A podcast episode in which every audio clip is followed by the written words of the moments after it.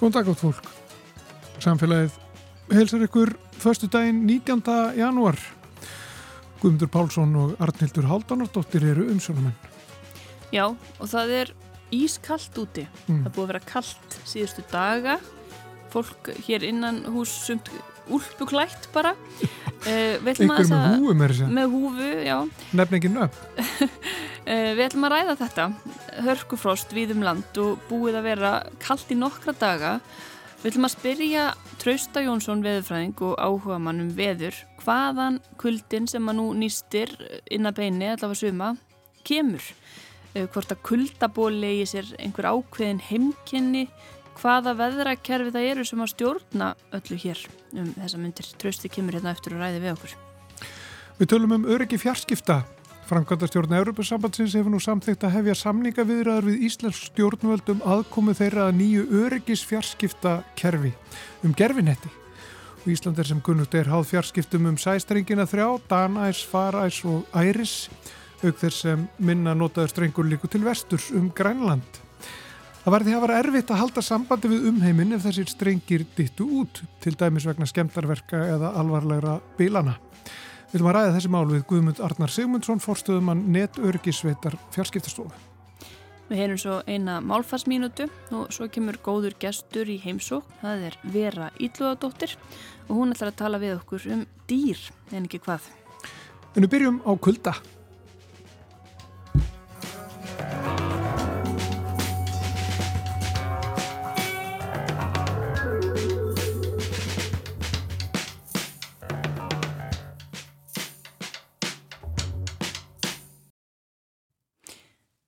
Já, hann er sestur hjá okkur, hann Trausti Jónsson, viðfræðingur og áhuga maður um veður. Velkomin í samfélagi, Trausti. Jó, hvað er fyrir? Ég fekk þennu hinga því að eh, ég les stundum bloggið þitt, eh, Hungurdiska, og þar skrifaður fæslu núna í vikunni þar sem að þú talaður um kalda daga framundan og hvaðan þessi kuldi kæmi. Og þar nefndir þið til sögunar e, kuldapodla sem þú kallar annars vegar síberju blesa og hins vegar stóra bóla og þetta vakti forvitni mína. E, getur það sagt okkur bara hvaða kerfi er að verki núna þegar við fáum þetta ískalda, já, mæntalega heimskautaloft eða til okkar? Já, í svona grófum dráttum þá eru miðstöðar kuldans á vetulla, þeir eru yfir, hann er yfir meginlandum leitunum, annars vegar yfir Sýberi og hins vegar yfir Norður Ameríku og þessi þessi kulda miðstöðar, svo má segja, það takast svona dalda á, eru miðsterkar frá ári til ás og jafnveg frá degi til dags, það er skipta stundum á bóðum, senda á millisinn svona post, postsendingar og, og, og, og talast við og þegar komið er svona um háveturinn þá, þá, þá er þetta afskaplega öllu kerfi sem að sem að geta haft jáfnvel áhrif á, á veður uh, víða um, um, um heim. Og svona til að auðvelda umræðu um þetta þá, þá nota ég þessi nöfn, þetta er auðvitað bara kunningar mínir sko, prívat, kunningar, það, þetta er ekkit, þetta er ekkit, það er ekkit faglegt við þessi nöfni sjálfum sér. En það er bara mín reynsla að mm, það er það er allt kostur að persónu gera fyrirbreyði það er, það er einhvern veginn ég held innbyggt í mannlegt eðli og, og bara hvernig við vinnum úr upplýsingum að, að, að búa í einhvers konar samfélagi þar sem að, að personur takast á. Og það er miklu auðvaldar að, ræða slíkt þegar að þegar við búum til personur heldur en, heldur en hefur kollum, kollum náttúruna, personur gerum náttúruna heldur en að við, við tölum um einhver einhver þingdarkraftin og, og, snú, og snúning jarðar og, og svona hluti sko sem eru svona, svona ópers, ópersonlegri einhvern veginn, jújú jú, það er þetta persónu að gera þá líka en, en málið er það að, að, að, að við hér á Norðurslóðum við, við búum í raun og veru við mjög það er þannig að við, svona undir balans, við, við, eigðum miklu meira heldur en við öflum. Þannig við þurfum að fá loftasunnan til þess að halda upp í hita. Og þetta eru, og ef maður fer alveg, ef, ef engin varmi kæmi að sunnan, bara yfir höfuð, og við hafðum bara sólarílinn og ekkert annað, þá væri hér um 50 stígum kaldar á veturna heldur það er. Já, þannig að við getum all, alltils verið þakklátt fyrir. Hérna, en, en það er það auðvitað ekki og síðan til, síðan að auki þá sem sagt eh, er það þannig að að lofthjúpurinn og, og höfinn samtals þau sjáum að flytja þannig varma frá hittabeltunum það sem er of mikið á hún það væri yfir hittun þar ef að, á sama hátt ef, ef, ef, ef engin flutningur væri þá væri allt í steik, steik á þeim slóðum. En, en vera kerfin þau, þau sjáum á veturna þau, þá sjáum þau um það að, að hérna norður á 65 breytegráðu að þá er helmingum við svona rúmlega þess að þessi 50 stygg.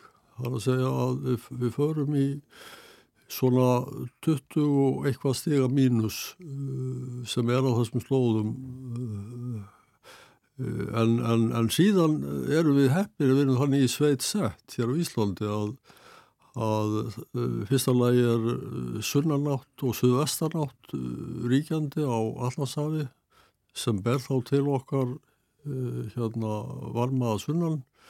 Þannig að hér er aftur hlýra heldur en er annar staðar á sömu breytagráðu og það, það munar þá aftur uh, svona uh, hátt í 20 stegum og er svona, þetta er svona, þetta er svona samsett. Og ef við síðan förum að greina svo ástæður þess þá getum við komist að ímsu farið ími smáadri. Það er hluta til loft, lofthjúpurinn sjálfur, það er bara vindakerfin og þau, þau taka, mestu taka um 80-90% af, af varmaflutningunum. Sjórin eh, tekur síðan afgangin, en hann, hann gerir þá tvernan hátt. Annars vegar er það, það að hann, hann, hann kemur með hlýja sjóa sunnan en hann geymir líka uh, varma frá sumruna áður sem að landi gerir aftur á móti ekki.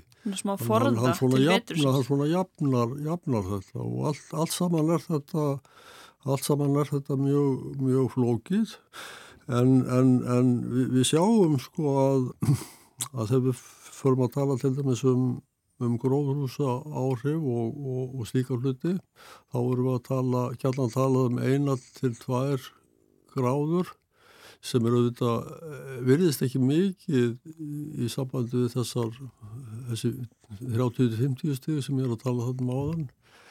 En, en bara það svo breyting, hún hefur afgerandi áhrif. Þannig að þannig við sjáum hversu vel þetta er allt saman svona fínstilt allt þetta flutningskerfi. Og ymsar svona tengingar. En sko, núna er þessi kuldapóllar sem við viljum ekki kalla bara kuldapól 1 og kuldapól 2 heldur. Já, ég, ég, ég verður þetta, um. þetta er svona, þeir, þeir, þeir ríkja svona á hvora svonum stað svona frá því svona kringum fyrsta vetradag og fram á sumandagin fyrsta. Þannig að þetta eru svona vetra fyrirbriði. Já, þannig að þeir stjórn ekki veðrinu hjá okkur á sumrin. Já, sumrin er, á sumrin er aftur á móti, er meginlöndin hlýri heldur en, heldur en sjórin. Þannig, þannig að, að kvöldapállarnir þeir þá hörfa þaðan og þeir, þeir leita saman í svona hóraðan, mm, auðmíkjalegan kvöldapál yfir norður heimskvöldsvæðinu. Og þá hérna, þá vil svo til að, að það koma fyrir dagar á, á sumri, ekki hverju sumri, en það maður sér það svona einstöku sinnum að loftið hérna við Íslandi er það kaldast á öllu norðkvæli þannig að er svona, þetta er svona Já, þannig að þetta er mismunandi kerfi sem við búum við hvort það er, hvort sem það er sagt, eftir ástíðum en núna eru það þessir síberjublesi og, stóribóli og eru, eru þeir sko já, já, sterkir stóri, núna? Nei, stó, sko, síberjublesi er búin að ráða miklu núna í vetur Þannig að við og Stóribóli hefur verið svona auðmíkjalegur, hann hefur verið svona einhverju uppdráttarsíki í hún, það hefur verið mikið hlýjandi í Kanada og, og það snjóaði þar sent og, og, svona, og það týðir að veður hér hefur verið bara almennt gott. Það hefur verið góð viðri, jáfnveg þótt að hafi komið kuldakost að þá hefur verið gott veður og við fengið svona smá sendingar eh, frá uh, Sýberi Blessa svona þegar hann hefur farið yfir á heimskautasvæðið. Og hérna eins og þessi kuldi þessa dagana, hann, hann virðist í fljótu bræði eiga uppröfna sinn frekar þeim megin heldur en, hinn megin. Menn það er algengara að að við séum fáum kulda við fáum reyndar alltaf ofta skulda sömu leiðina, það að segja meðfram Östursvöld Grænlands yfir, yfir Ísasvæðin þar. En það er alveg sama að, að sákuldi hann er ímiskomin úr vestri eða austri. Já. en svo fáum við stundum líka kulda úr vestri sunnan fyrir Grænland og þeim kulda fylgir yfirleitt mjög leiðilegt veður. Stormar þessi stórkostegi læðagangur og, og, og hérna og umleipingar og, og snjókoma eða rigning. Já. og hvað er það sem sko verður til þess að stundum magnast þessir, þessir kuldapollar upp? Stundum eru þeir rýrir og þeir eru svona einhverjum samskiptum senda bóð sín á milli. Mm Þetta er náttúrulega í svona í höfudráttum uh, virðist þetta vera svona mikið til tilvílunarkjönd. En, en þó, þó þannig að ef, ef að uh, þetta fer í ákveðin farveg þá er ákveðin tregða til að fara úr honum. Já, er það þá kannski að það er stilt og kallt viðu lengi að þá bara magnast kuldinu upp á stæði? Já, já, þannig að ef það kemur kaldur mánuður þá, þá er ekkit ólíklegt að, að einhver kaldur mánuður sko, fylgi einhver tíman kannski ekki næsti en það er svona einhvern veginn svona. og eins að það fara að koma hlýr og góðir mánuður þá er þá líklegt að þeir, líklegt að þeir, þeir verði fleiri þannig að það er einhvern svona það er einhvern svona minni í þessu en, en allt er þetta eiginlega svona ótrúlega tilvinnakjönd og það, það er verna þess að að þetta er í raun og veru svo fín stilling, þetta er svona eins og, eins og, eins og blíjantur sem stiltir upp á endan sko. það þarf mjög lítið til að, til að, hérna, að koma þessu úr, úr jafnvægi. Nú er mikið talað um golfströyminn og hvort að hann sé að hverfa og sko þessir uh, hérna hvað við kallaðum kuldapallar, bles, blesu og bóli eru þeir óháðir gólströminum, er þetta, ó, er þetta aðskilin kerfi eða er einhver gagvirkni þarna á milli? Já, aðskilin, aðskilin og aðskilin. Það er að segja að það, það sem að það sem að, tekið sem, dæmi að, að þessi stóri ból, bóli það er að segja kuldapallurinn yfir Kanada að hann er daldið háður sko, hann er daldið, daldið aflegging af klettafjöldunum og, og klettafjöldin stíbla uh, loftströyma yfir, yfir, yfir Kirrahaf og, og við að fara yfir, þingast yfir uh, klettafjöldin þá streymi loft, þarf loftið að fara niður uh, á, á austarmegin og, og þá leitar það jafnfram til söður svo dregur með sér kuldan uh, þar úr, úr hérna úr norðri frá, frá, frá Ísafsvæðunum og við það aftur á móti þá uh, verður hlýtloft að dragast til norðurs þannig að sko að klettafjöllin eiga hluta, líka hluta í því alveg svo golfströmmun hvað hlýttir hér á landa veðvölda Já, já. En þetta er alltaf einhverju svona skipti, einhver skipti hérna dílar þar sem að verða... Já, þetta er alltaf, þetta, þetta, er, þetta er svo, fjöl, þetta er svo fjöl, fjölmar, fjölmarki hlutir. Já. Og, og golfströmmunni sem slíkur, hann náttúrulega, mm, sko, hann er ekki í hættu sem ströymur. Það, það sem menn eru kannski hafa heldur áhyggjur af, það er í raun og veru varmaflutningurinn í honum. Hversu mikið hversu mikil varmi kemur með lestinni. Einmitt, lestin mun halda Lestin áfram að ganga. Lestin heldur áfram að ganga en, og hún heldur áfram að ganga en það er svona, svona ákveðnar, ákveðnar áhyggjur af því að, að komi minna, minna með. En ég, ég er svo sem ekki sérstakur hérna, fylgismadur uh, þeirra hugmynda. Ég, ég, ég er svona ég hef svona pínit aðra hugmyndir það er alltaf hlófið til að Já, fyrir mikið til það hér. En sko þessir hérna stóri, stóri síbríublesu stóri bóli sko ég sé pínu fyrir mér þegar persónu gerir þetta, sér þið fyrir einhverju svona góðsagnaverur eða ertu meira að hugsa um ég vil bara Putin og Biden eða einhverju pólitíkusa? Jú, ég gæti alveg skallað á Putin og Biden sko en það bara, það bara bandaríkjumennir er alltaf að skipta um fósetta sko Já.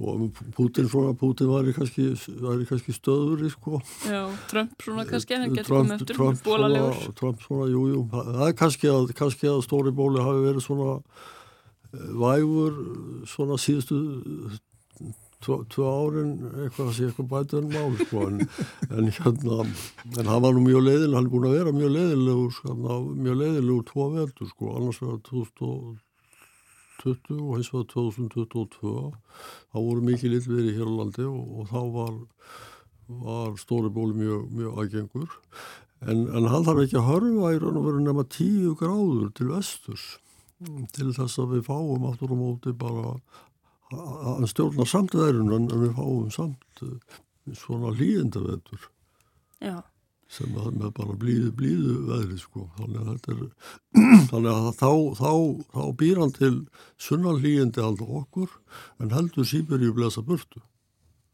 En þeir saminast aldrei? Já, þetta er alveg, þetta er alveg, þetta er alveg, alveg samtengt sko. Já. en ef að stóribóli er, er, er veikur þá þá getur Sýberíublísi líka ráðist, ráðist vestur yfir allra Evrópu og menn, menn tala í, setur á breyna að segja, í tísku síðustu árin að, að tala um skrýmsliður austri, sko, beast from the east, það er mikið í, mikið í veðurfrektum alltaf og menn, menn hrættir við þetta, þetta kemur, að ferja frist á snjó og breyna segjum.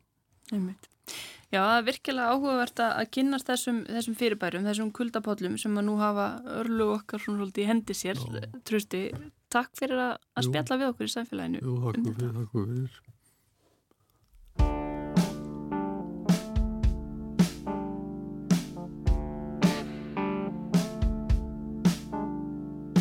Engu skiptir þó að allt í kringum okkur virðist kall því þú veist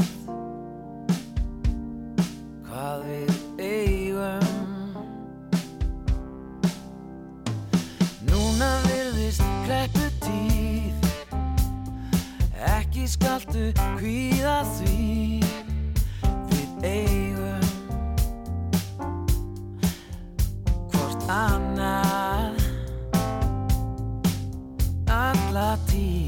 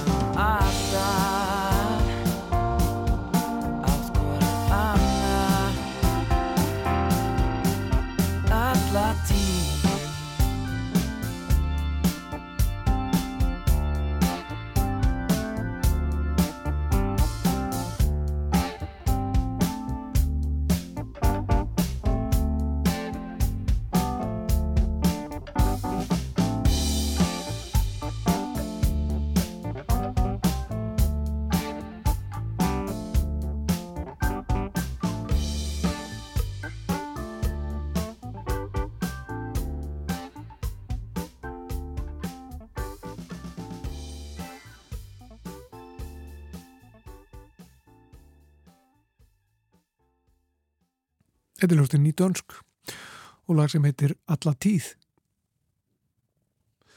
Við ætlum að tala þessum fjarskipti og öryggi fjarskipta næstu mínútundar og hann er sestur hérna hjá okkur Guðmundur Arnar Sigmundsson hann er fórstöðumæður Sertís netöryggisveitar uh, fjarskiptastofu. Velkom til okkar. Takk, takk. Uh, við heyrðum að því gær að Evropasambandið er núna að leggja drög að nýju öryggis fjarskiptakerfi og hér á landi er áhugi fyrir því að fá að taka þátt í þessu verkefni. Um, Getur þú kannski bara byrja á því að fara yfir sko um hvernig það myndi líti út frá okkar bæðinu séð, af hverju uh, það getur verið fengur í því fyrir Íslendinga að fá að taka þátt í þessum í uppbyggingu þessa kerfis. Já, það er hérna sjálfsagt mál. Uh, Þetta kannski líkur ekki beintinn og okkar borðið hjá neyturöki sveitinni sértis en, en þetta er hjá uh, kemur alveg hræsilegin á borð uh, kollega okkar hjá fjarskiptastofu. Á Íslandi er eh, ekki neitt svona skilgreint aðskilið stjórnsýslu net eins og þekkist við erlendist þegar við bygg, byggðu upp svona sérstök fjarskiptakerfi sem eru oft kölluð bara governmental network það þýðir ekki að þetta sé algjörlega aðskilið eitthvað svona kerfið engungu fyrir stjórnvöld en stjórnvöld þessara landa vilja tryggja að þau hafi ákveðna stjórn yfir og aðgengi að grunn fjarskipta eh, kerfum til þess að geta keirt sína grunn þjónustu og haldið upp í samskipti fyrir sjálfsig og það er kvatin á bakvið eh, hvað að segja þessa, þessa áætlun Európa-samhansins að, að hérna, styrkja og byggja upp uh, þetta kerfi þeirra sem að nokkuð kaltæði heitir Æris alveg eins og nýji sæstringurinn okkar eh, til, til, sem likur til Írlands Já, það getur valdið smá miskilingi. Það getur valdið smá miskilingi. Það er bara algjör tilviljun held ég að hérna, þetta skulle nota sömu skamstöðun og, og nafnið á nýja sæstringum okkar. Eh, markmiði með þessu þessar áallun Európa-samansins er, er að náirinn að tryggja með því að nota bæði landlínur, sæstrengi og kopastrengi á landi í, og tvinna það saman við, við gerfinhætta sambönd í gegnum gerfinhættir sem að bæði Európa-sambandi á og rekur sjálft og, og, og, og hérna einni aðrir aðla sem er að reka gerfitung sem ná yfir þetta markasvæði okkar sem er Európa-svæði til þess að tryggja tengingu allstaðar ef þörfur fyrir hana líka á því sem er kallað er flokkað sem ákveður svona döð svæði innan e, Európa-samhansins í dag. Það er fullt af svæðum í dag sem eru bara kjössanlega fjarskipta laus og ekkert nettsamband e, mögulegt ekki gegnum þessi hefbundu, hefbundu farsímakerfi okkar eða með tengingum í gegnum e, ljósleðara. Já, og þarna koma gerfinettirinn eða hvað? Já. Sem laust? Já, að því að þeir eru bara svo þægilega staðsettir að þeir, þeir ná öllum þessum svæðum sem eru þessu döðu svæði. E, og hérna, eins og bara langt upp á Hálenda á Íslandi við, það skiptir gerfum þetta ekki máli hvort að, að viðkomandi sem er í sambandi við á að sé stattur upp á Hálendi eða hérna neyri miðbæra ekki ekkur Ef við skoðum aðeins hvernig Ísland er tengt við umheiminn e, og hvernig fjarskipti eru tryggð það eru þessi ljósleðrar sem við þekkjum þú nefndir Æris og svo er Faræs og Danæs og það eru fleiri? Það eru þessi þrýr megin strengir, það eru eldri strengir hérna, Greenland Connect sem likur vestur gegnum Grænlanda í áttuna til Kanada bandarækjana hann er ekki í hvað við segja, að fullnægi öllum fjarskiptaþörfum Íslands í dag. Hann er bara svona batsins tíma og, og í- þess vegna er öll megin umferð Íslands við umheiminn í dag fyrir gegnum þessa þrjástrengi sem er Faræs Danæs og e, núna þessi nýji sem var e, settur í gagnu í fyrra, e, Æris sem liggur til Írlands. Og þetta er lífæð íslenskra fjarskipta og internetsambands almennings og fyrirtækja við umheiminn og gífuleg búbót að fá æris inn e, í fyrra e, upp á bæði e, afkastagetu, gæði netsambandsins og líka upp á öryggið að halda þessu sambandi við útlönd e, þó að einhvað komið upp á.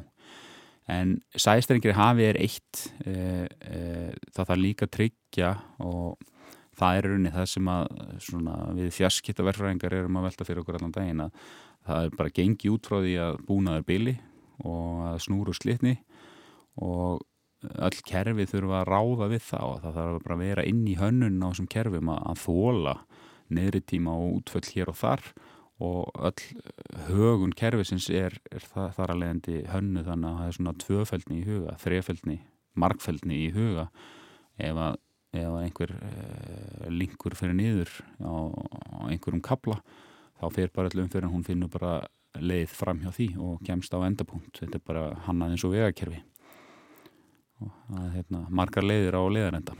Já, og uh, þetta þýðir að, að sæstrenginni náttúrulega koma upp á land uh, bæði elendis og innanlands og það þarf líka að tryggja uh, alla tengipunktar sem sagt frá frá okkur, notendunum sem erum oftast bara hérna í vinnunni eða heima hjá okkur eða einhver staðar að ásæði í, í, í farsímanum okkar uh, að þessum tengipunktum uh, landsins þannig að- að sæstre, eh, sagt, eh, ekki sæstrengin sjálfur heldur ljóslegarnir frá landtökustöðum þessar sæstrengja inn í þessu, þessar stóru byggðir þurfa að vera uh, tvöfaldar, markvaldar og varðar einnig. Og þannig erum við bara að tala um í rauninni högun fysiska hluta netkerfisins til þess að hérna, tryggja upputíma og öryggi netsins. Og svo er þessum þessum fjarskiptum öllum stýrt og umferðinni stýrt með sjókvöldum stjórntækjum þú veist, manatsment kerfi eða búnaði frá þessum framleiðendur sem búa til öll þessi kerfi. Og það þarf líka að, að hérna, tryggja öryggi þessara stjórnkerfa. Að fyrsta lagi e, að hvað sé bara for, hönnunargallar í forritum e, sem kannski koma ljósleðurunum eða sæstrengjum lítið við.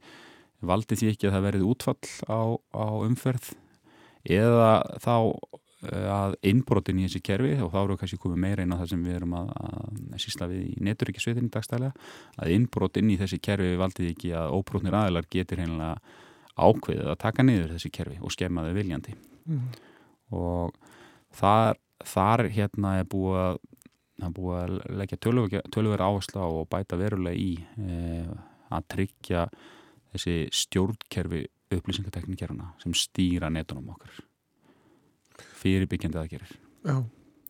En um, sæstrenginir sem að líka um mitt koma á land hér, Já. koma á land uh, hinum einn, er að segja í Danmörku, uh, gegnum færiðar, er það ekki? Jú, Og- Skotlandi og svo í Írlandi Já, Og- og, og, þessir strengir, þeir eru bara, sko, náttúrulega, uh, þetta eru bara strengir, sko, það er hægt að, ef þú kemst í þá, þá getur þú klift á þá og svo framvegis, og svo og framvegis. bara Þa, það er ákveðin hætta. Uh, hvað gerum við þá? þá? Þá þurfum við að hafa varaliðir, við erum náttúrulega með þessa þrjá og við erum með þennan fjóruða sem að fer uh, um Grænland, Já, ekki satt, og hún endur aðan, þannig að það eru fjóri strengir í raunin sem hægt er að beina umferðum. Já. Detti þeir allir út í einu. Hvað gerum við þá? Þá hérna e, þurfum við að sætt okkur við verulega takmarkaða bandvitt eins og hún er mæld sem er umferð að geta e, yfir e, þessi fjarskiptasamband sem við höfum. E, það er alveg gífulega mikil vinna búin að eiga sér stað í að reyna að greina e, hvað ætlum að gera ef þessi staða kemur upp? Að, það, því fleiri sem, sem strengir eru eh, sem liggja aðskildar leiðir því ólíklegra er það að þeir kannski detti út allir í einu samtímis út af einhverjum svona náttúrulegum ástæðum eða hamförum. Og hérna þá þurfum við að vera alveg verulega opinn og það, um það snýst öll þessi allar þessar tölfræðipælingar í rauninni að hafa þetta nógu ma- margar leiðir eh, ólíkar og ótengdar til þess að óhapp á einu stað smiti ekki út í að taka allt út í einu en við erum að horfa fram á nýjan veruleika eh, eftir eh, innrás rússa inn í Júgrænu þar sem að mjög háar og, og, og ofinbyr umræða ráðamanna eh, sérstaklega eh, hátsetara aðalega innan rúsnesku stjórnkjöfinsins fóru bara að tala um það að það, þeir sæju ekkert sem stæði til fyrirstuðu að þeir væru bara í rétti að vísundandi klippa á eh, sæstrengi hvort sem er að flytja ramagn, gas eða, eða fjarskipta upplýsingar neðan sjávar og þá þurftu við að bregðast við því og það var, það var unnið ákveðið áhættumatt eh, strax eftir innrásuna, bara í fyrstu vikum eftir innrás rúsaðin í Úgrænu og áhættumandi tók sem sagt til til þess hvað ætlum við að gera ef að allir sæstrengir vera teknir viljandi í sundunniðri eh, með sviðsmyndir sem náðu allt upp í það að e, það er því alls erja stríðsástandi í Evrópu og kannski ekki neitt útlitt fyrir að hægt væri að fara með einhver viðgerarskip og gera við þessa strengi sem myndi þýða lengri tíma þar sem við værum með verulega laskað og takmarkað fjarskiptarsamband. Því við þessa sviðsmynd, ef allir strenginni dætt út í einu, þá eru við Ísland, eigan hérna út í miður allansafi, engungum með gerfinhættarsambund til þess að stóla á fyrir fjarskipti. Og þau eru mjög takmörkuð, eins og staðan er. Þau hafa verið mjög takmörkuð og, og uh, búin að stór batna aðstæðan síðan uh, innræðsinn hófst. Uh, það eru þessi svo kvöldu LEO gerfetungl, Low Earth Orbit. Þau eru sem sagt gerfetungl sem eru í miklu larri hæð. Þau eru fyrir ofan guðukólf en þau eru mun nær jörðinni heldur en þessi staðbundu gerfetungl sem hafa hingað til verið notu til þess að sína fjarskiptarsamöndum og það þýðir að bóðleðir það er sem sagt að senda e, fjarskipta pakka eins og þetta er kallað e, á milli staða í gegnum gerfetungl hún þarf ekki að fara jafn langa leið mm. upplýsingarna fara upp í gerfetunglið og svo niður aftur og það tekur tíma og tekur mun minni tíma eh, heldur en að þurfa að senda það upp í þessi stóru staðbyrnu gerðutungl sem eru miklu, miklu herra eða lengra frá þér. Þetta eru svo hátt að maður er hættur að tala um háttöp, þetta er bara langt í burtu og hérna það færir eh, upplifun okkar á netsambundinu nærþí sem við þekkjum yfir ljósleira að svartíminn, það er talað um að meðal manneski dag hún hættir við að nenn að fara á F7 ef, að, ef hún kemur ekki upp á fyrstu 5 sekundunum eftir úsleiranin og, og það er ekki að fara að gerast í gegnum ef þú ætlar að tengja sér gegnum gamaldags eh, hérna gerðutunglinn, þú þarfst að nota þessi, þessi nýri sem kera, kera í larri hæð til þess að fá þessa upplifin sem við erum vöna að nota í dag. Þetta er eina leiðin okkar til þess að eiga í samskiptum við eh, útlund eh, og við erum líka að tala um síma hana við erum bara, ekki bara að tala um nei, við erum að bara, tala bara um öll samskipti. Öll fjarskipti, þetta er bara samankvæmt sem að tala um ja, menna, í dag eru við það sem fer yfir fjarskiptastrengi eru stýri upplýsingar til að stýra kerfum uh, tal, vídeo og texti. Og vídeo er lang, lang stæðsti hlutin ef við mælum þetta í gagnamagni þá tekur vídeo lang mesta plossið af upplýsingum sem við erum að færa á milli. En gögn í svona gagnaverum og stór greiningagögn í svona mismunandi, mismunandi svona hvað segja starfsemi þeir sem er að greina lífefnafræði og flera þar eru mjög þung og stór og mikil gögn sem er verið að vinna með. Og hérna þau taka líka á, ákveðamagn Já. og hérna það er bara var mikilvægt að svara þessar spurningu hvað gerum við, af því að margt af þessu getum við hýst innanlands. Við þurfum ekki að sækja allt sem við þurfum að nota á, á netinu til útlanda. En e, þróunin undanfæran ár hefur verið svo að e, mikið af vinnugögnum okkar og ljósmyndum og vítjum og, og því sem almenningur er að geima og eiga og, og finnst verðmætt er, er komið í það sem við kallum skíið þetta er geimt í skíinu en það þýðir í rauninni, þetta er bara geimt í tölvum sem er í risastóru velvörðu gagnaveri uh, og frá Íslandi oftast er, er, er þau staðsett í, í, í Írlandi eða í Amsterdam. Og hérna við þurfum að ná sambandi við þessi skí til þess að ná þess að gagna þungu umferð til þess að nálga skögnum okkar. Þannig að eh, það er hugmynd sem er upp á borðan líka þú veist hvernig, hvernig getur Ísland og Íslands stjórnvöld unnið að því að færa gögnin nær okkur? Uh, eitt af því sem kom út úr þessu áhættumatti sem var farið í árið uh, 2022 eftir einu ársuna var að geta til þess að halda upp í innlendu internetsambandi er til staðar. Við höfum bæði búnað þekkingu og hérna uh, nógu mikið af sérfræðingum í fæinu til þess að geta með góðum móti e, viðhaldið innlendu internetsambandi. En það er ekkert skemmtilegt eitt og sér Mhm. að vera bara með innlend internet, veist það er ekkert gaman að er rátir það er gaman að ég að horfa á drasli sem þú nærði gegnum rátirinn þetta þessi kattavídeó á YouTube og fleira Já. Og það- ef að efnisveitan er erlendis þá höfum við lítið að gera með innlend internetsamband við þurfum, við þurfum að ná efninu sem við erum að nota dagstælega Já, en þarna eru kannski komni líka að spurningur um forgangsröðun og hvað er skemmtilegt og hvað er nöðsynlegt. Það er ímislegt sem að um, þarf að vera hægt að gera og það er ímiskökk sem þarf að vera hægt að sækja og senda. Um, er stjórnsíslan til dæmis í, í skýjum sem eru hýst í gagnaverum annar staðar en á Íslandi? Stjórnsíslan er með eh, stóran hluti sem starfsemi í skíalust og, og hérna þar eru upplýsingar hýstar í, í gagnaværi melendis. Skíalustnir eru er mjög margir sem eru eh, með tölvupóstin sinn í skíalust þar sem að pósturinn er hýstur ellendis en það er ákveðið svona staðbundi afrita póstunum í símtækinu hjá þeir og í töl, vinnutölvunniðinni og eh, við myndum ekkert missa eh, gögnin bara alveg eitt fyrir og bingo ef, að, ef við myndum missa samband við útlönd. En e, það er náttúrulega að segja sér sjálft að ef það er fullkomið sambandsleysi þá, þá myndum við ekki fá nýgögn eða, eða fleira. E, þetta er bara eitthvað sem maður þyrft að prófa.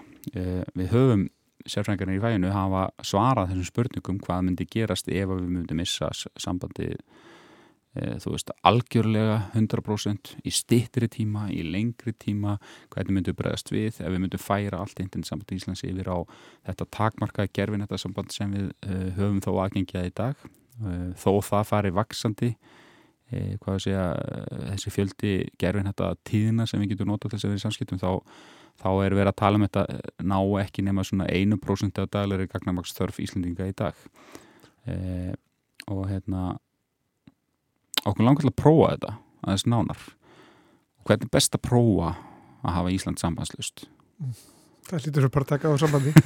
Það myndi gefa bestu svörin og hérna, það er á, á, á dagskrá, þetta er eina af aðgerum hérna, eh, stjórnvalda í neturingisáallun sem var sett á laginar í hitti fyrra og næri allir lásins 2036 Eh, það er bara aðgerð það sem er kölluð þessu þjála nafni Ísland ótengt sem er kannski svolítið uh, virðislaði nafn. Ísland ótengt æfingin ætti að skila okkur frekari svörum um það hvað kemur til með að gerast ef að við hérna myndum missa allt internetsamband. Uh, við getum farið allt frá því að vera í svona þessum hug, huglægu æfingum með því að giska bara á út frá þekkingu og reynslu og, og skilningi á þessum, uh, á þessum kerfum hvað mun gerast. Og það nær mjög langt í að svara þessum spurningum. Og svo gætu við fært okkur uh, yfir í að kannski uh, framkvæma frekari raumprófanir og það er mjög misjáft hversu svakalega háð erlendu fjarskiptasambandi uh, mikilvægir innviðir eru og önnur fyrirtæki sem eru kannski ekki endilega að listaði mikilvæg innviði uh, því að komast í gögnin sín. Ef við tökum flugfélög til dæmis, þau eru bara gífulega háð því að geta sendt rafrænar skýslur sérstaklega vestu til bandarækina það sem er mjög stránt hérna, e, rafrænt kerfi sem heldur utan um farþægaflutningi gegnum flug og það er bara meiri háttar vandræði fyrir þá ef þessar skýslur komast ekki að leiðranda en þessar skýslur eru bara litlar textaskrá sem taka ekki mikið gagnabang og ættu samkvæmt fræðinni e, e, bara e, vel að komast yfir gerfinhattasambönd á leiðranda Mhm. Svo eru við kannski að hugsa til þess að einhver stórt orkufyrirtæki sé með einhverja rísað intölvu og það kemur einhver uppfasla sem að gífulega gagna þung að fara að ná í og við myndum bara taka marga daga að taka þetta í gegnum eitthvað gerðan þetta samband. Ég er að svona bara kokka upp einhverja svona Mhm. íturstu mynd, ég held þetta sé nú ekki alveg svona í raunveruleikunum en þá er kannski bara meira viti að senda bara eitthvað með flugvel og ná í þetta bara á auðspilleikil. Ég veit. En það er, þetta raunprófa þetta upp á okkur marki og það er markmiðið með þessa ræfingu Ísland ótengt. Og verður það tekið úr sambandi? Ekki alla leið, nei. Við munum ekki rúa internet saman á Íslandi. Ég var Þetta er bara ágætt að segja það strax. Þessi æfing er, er fyrirhuguð. Þessi æfing er fyrirhuguð og, og það er svona komin af teikniborðinu og ákveðnar hugmyndur um hvernig er hægt að besta framkvæma þetta. Kannski rétt í lokin, sko, má kannski veltaði fyrir sér uh, hvar við erum þó stödd uh, núna með internetsamband undarfæran ár þá hefur það verið mjög stöðugt og við hér erum vöndi að að geta bara treyst svolítið á, á netsambandið og öll fjarskipti í rauninni. Já, við, Ísland hefur staðið sem mjög framalega í fjarskiptum og þetta er bara rétt sem við nefnir hérna að, eh, við höfum lifað við mjög stöðut og gott internetsamband við útlönd eh, bara núna í 1-2 áratví en fyrir svona 2 áratvíðin síðan þá, þá þeir sem, sem muna tíman að tvenna muna kannski að þetta var reglulega dett út og við vorum að missa samband við útlönd uh, mjög ofta reglulega. Það var oftast tengt í að það voru vist einhverja rottur að naga landstrengina, sko skotlandsmegin og erfitt að eiga við það og og það var bara leist með þessum, þessari aðferðafræði fjarskipta verkfræðinga að það þarf að hafa fleiri en eina leið því að við losnum ekkert við allar rottur og við losnum ekki við bílanir og á tímabili sagði ég við losnum ekkert við gröfukalla sem ég held að vera á tímaköpi við að taka sundu strengi það gerði svo oft en eða hann að kerfið þannig að það þóli áföll hér og þar e, á þess að það hafi áhrif á, á heildarkerfið þá, þá, þá skilar það svona stöðu netsamband og það er það sem er búið að gera hinga til þannig að þetta er orðið virkilega gott og hefur verið búið upp á flott flotta fjarskiptaþjónustu til Íslands eh, undanförna ára tíu. Mm. Við skulum ljúka þessu svona uh, Guðmundur Arnar Sigmundsson, fórstöðumæður Sertís, netörgisveitar fjarskiptastofu. Takk fyrir kominu í samfélagið. Já, takk fyrir mig. Við menn eftir að spjalla hér við veru ílluðadóttur um dýr, en ekki hvað. En fyrst er að málfarsminúta.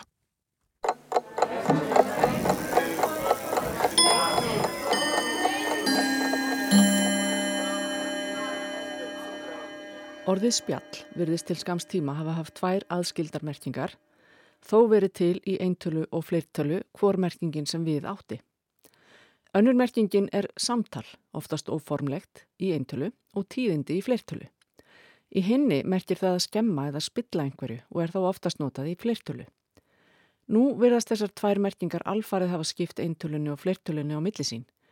Í íslenskri nútíma málsorðabók er fyrir merkingin samtal aðeins gefin upp í eintölu og fá kannast líklega lengur við merkinguna tíðindi sem var fleirtala fyrrtöldu merkingarinnar. Setni merkingin, skemdarverk eða eðilegging er nú aðeins gefin upp sem fleirtölu orð í nútímumálsorðabókinni. Ekki verður annað sér en það sé samræmi við almenna nótkun þessar orða. Eintölu orðið merkir að tala saman, fleirtölu orðið merkir skemdarverk.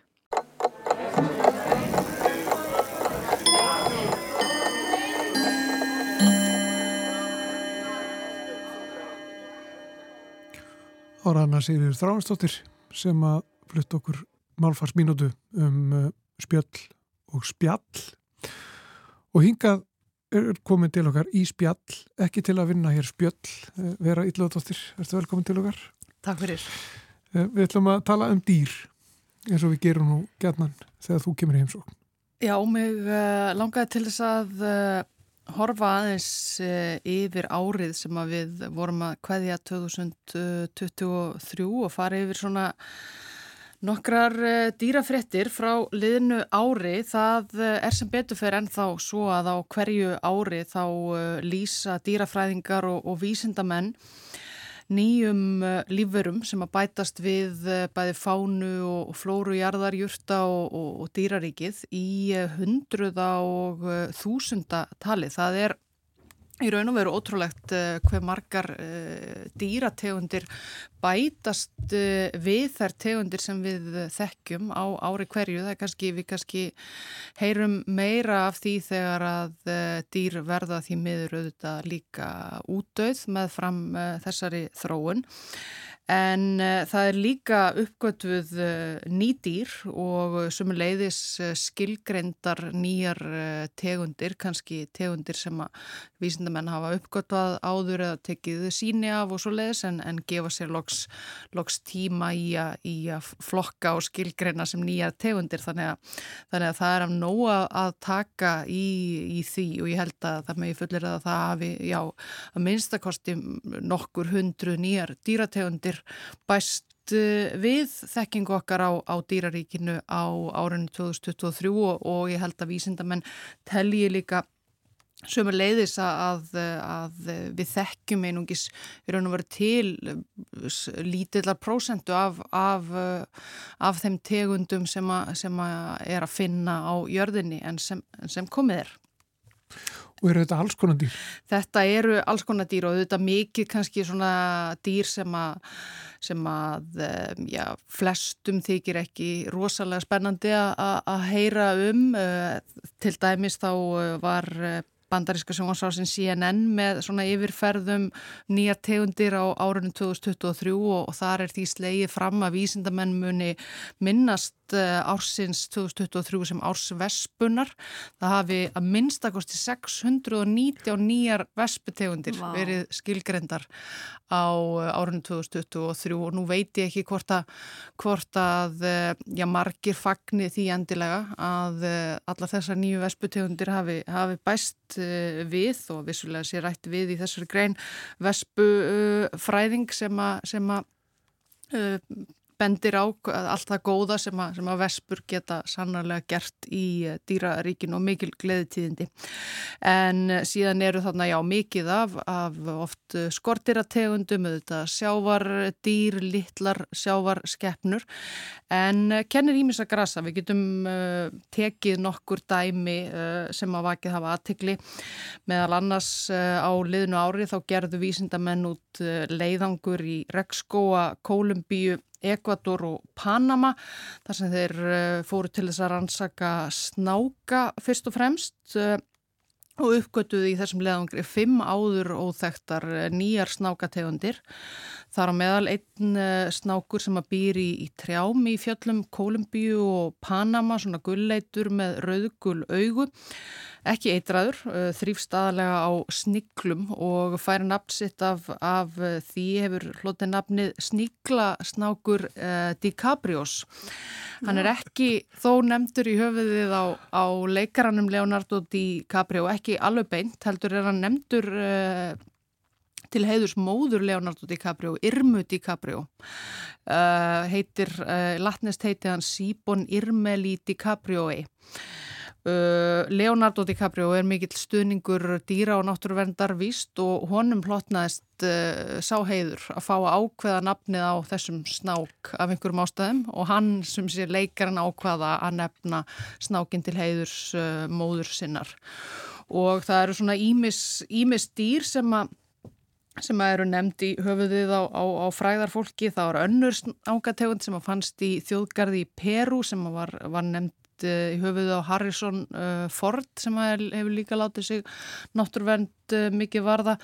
Konguló í Tasmani í Ástralíu sem var nefnd til heiðursleikarinn Tom Hardy sem leikur einhvers konar Kongulóa skeppnu í Marvel kveikmyndunum og svo framvegis og svo framvegis. Það er ennþá sem sé verið að nefna svona dýrategundir eftir fræðarfólki þó að það hafi reynda verið uh, nokkuð ábyrjandi umræða á uh, liðnu áriðum að það ætti kannski að breyta þessu og fara að hætta að nefna dýrategundir og, og, sömulegis jörtategundir og, og fuggla eftir mannfólki því að það getur auðvitað orðið uh, kannski vandræðalegt og óþægilegt þegar að, þegar að manneskjan reynist síðan kannski ekki endilega eigi góð og, og, gagleg til dæmis uh, dæmi, um, dæmi til um, um hellabjöllu sem, sem að finna má í, í hellum í, í Slóvenju sem að austurískur bjöllufræðingur nefndi árið 1933 til heiðurs nýjum Þýskalands kanslara mm.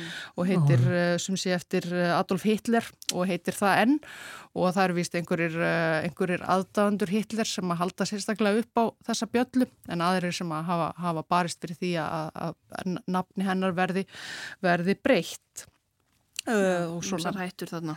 Ímsar hættur en, en kannski svona oftar en ekki óumdelt fólk sem, a, sem að hlýtur þessa heiður, he, heiðurs uh, nafnbót. Það var til dæmis líka einn uh, froskur sem að fannst í fjalllendi Ekvator á árinu uh, sem að býr í grend við læki og rennandi vatn sem að, sem að var nefndur í höfuðið á rithöndunum uh, Tolkien, lækjafroskur Tolkiens.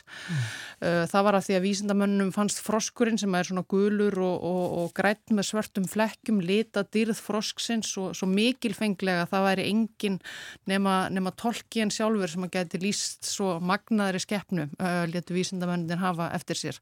En það eru ótal dýrategundir sem að hafa hlotið uh, nafn Tolkien til heiðurs eða í höfuðu af einhverjum af, einhverjum af sagna personum hans.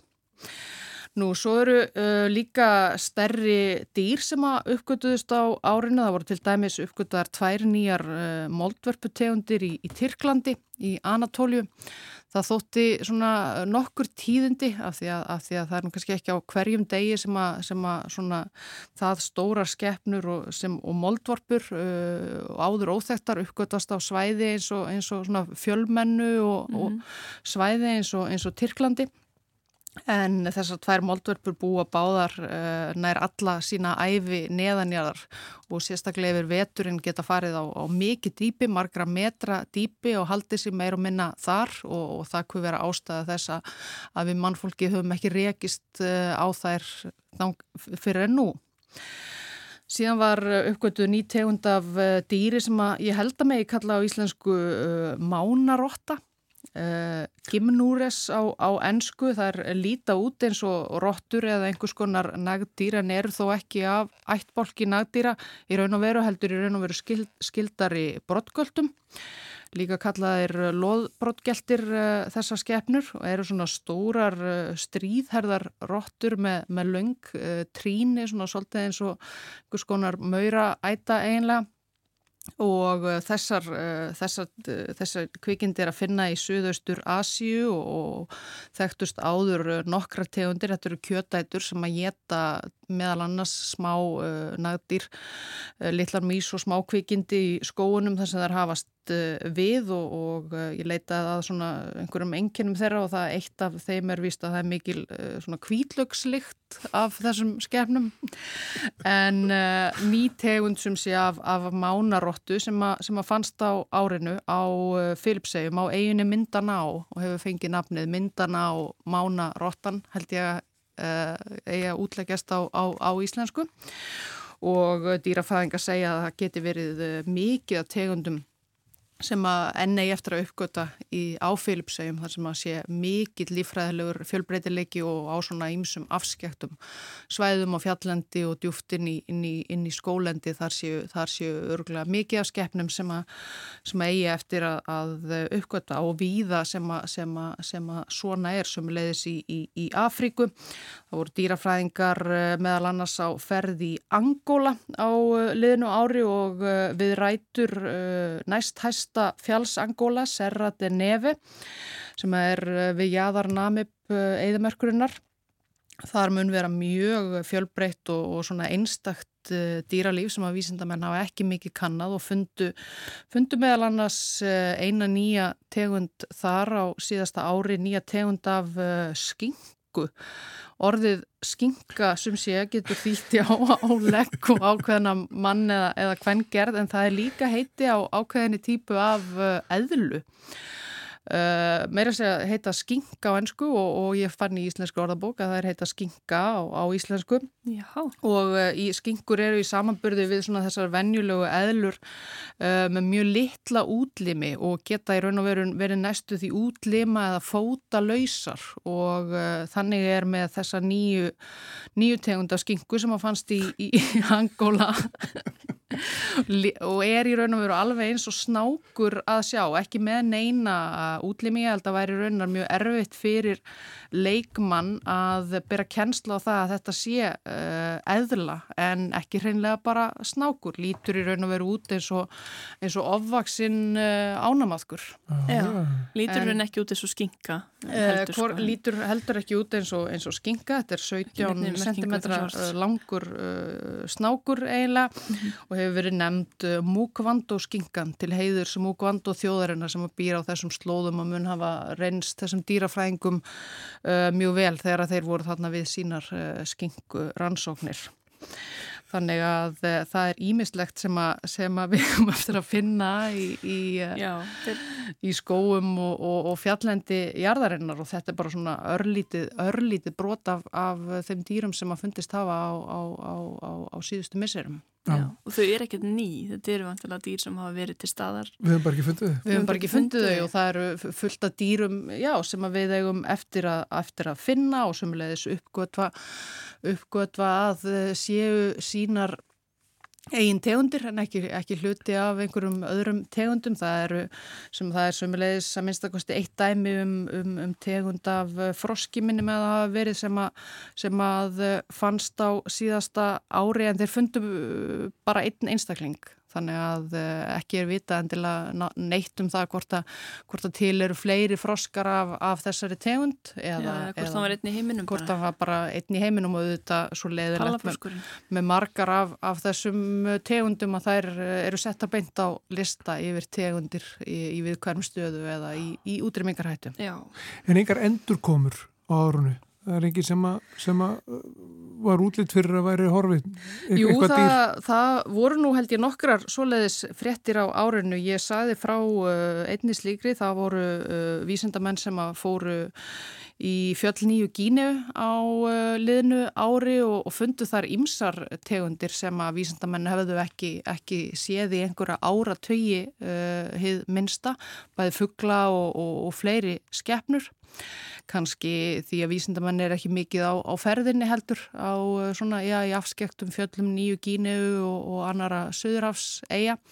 Þannig að það eru sumulegis líka uh, fréttir af, uh, af endur komum og, og þetta einmerkasta uh, frétt uh, leðins árs, einmitt í tengslum við þennan sama, sama leðangur á nýju kínu sem ég saði hér fyrir, fyrir einhverjum vikum síðan það er og heyrum vonandi meira af á, á, á, á þessu ári þegar að vísindamenn taka til starfa. Það er af, af, af rækutegundinni sem, sem að þar fannst rækja sem að eh, býri veksi trjám nýju, nýju gínu Við býðum spennt eftir framhaldsdýraspjalli um, Já, um ég held að það er eftir að koma svona fleiri formlegar formlegar frettir af þeim rannsóknum eða það vona ég Já, umvitt og kannski einhverjar skingur sem að sem að finnast á, á þessu ári En takk fyrir komin að vera eitthvað búin að sitja hér með okkur og segja okkur frá nýjökkutum, dýrategundum.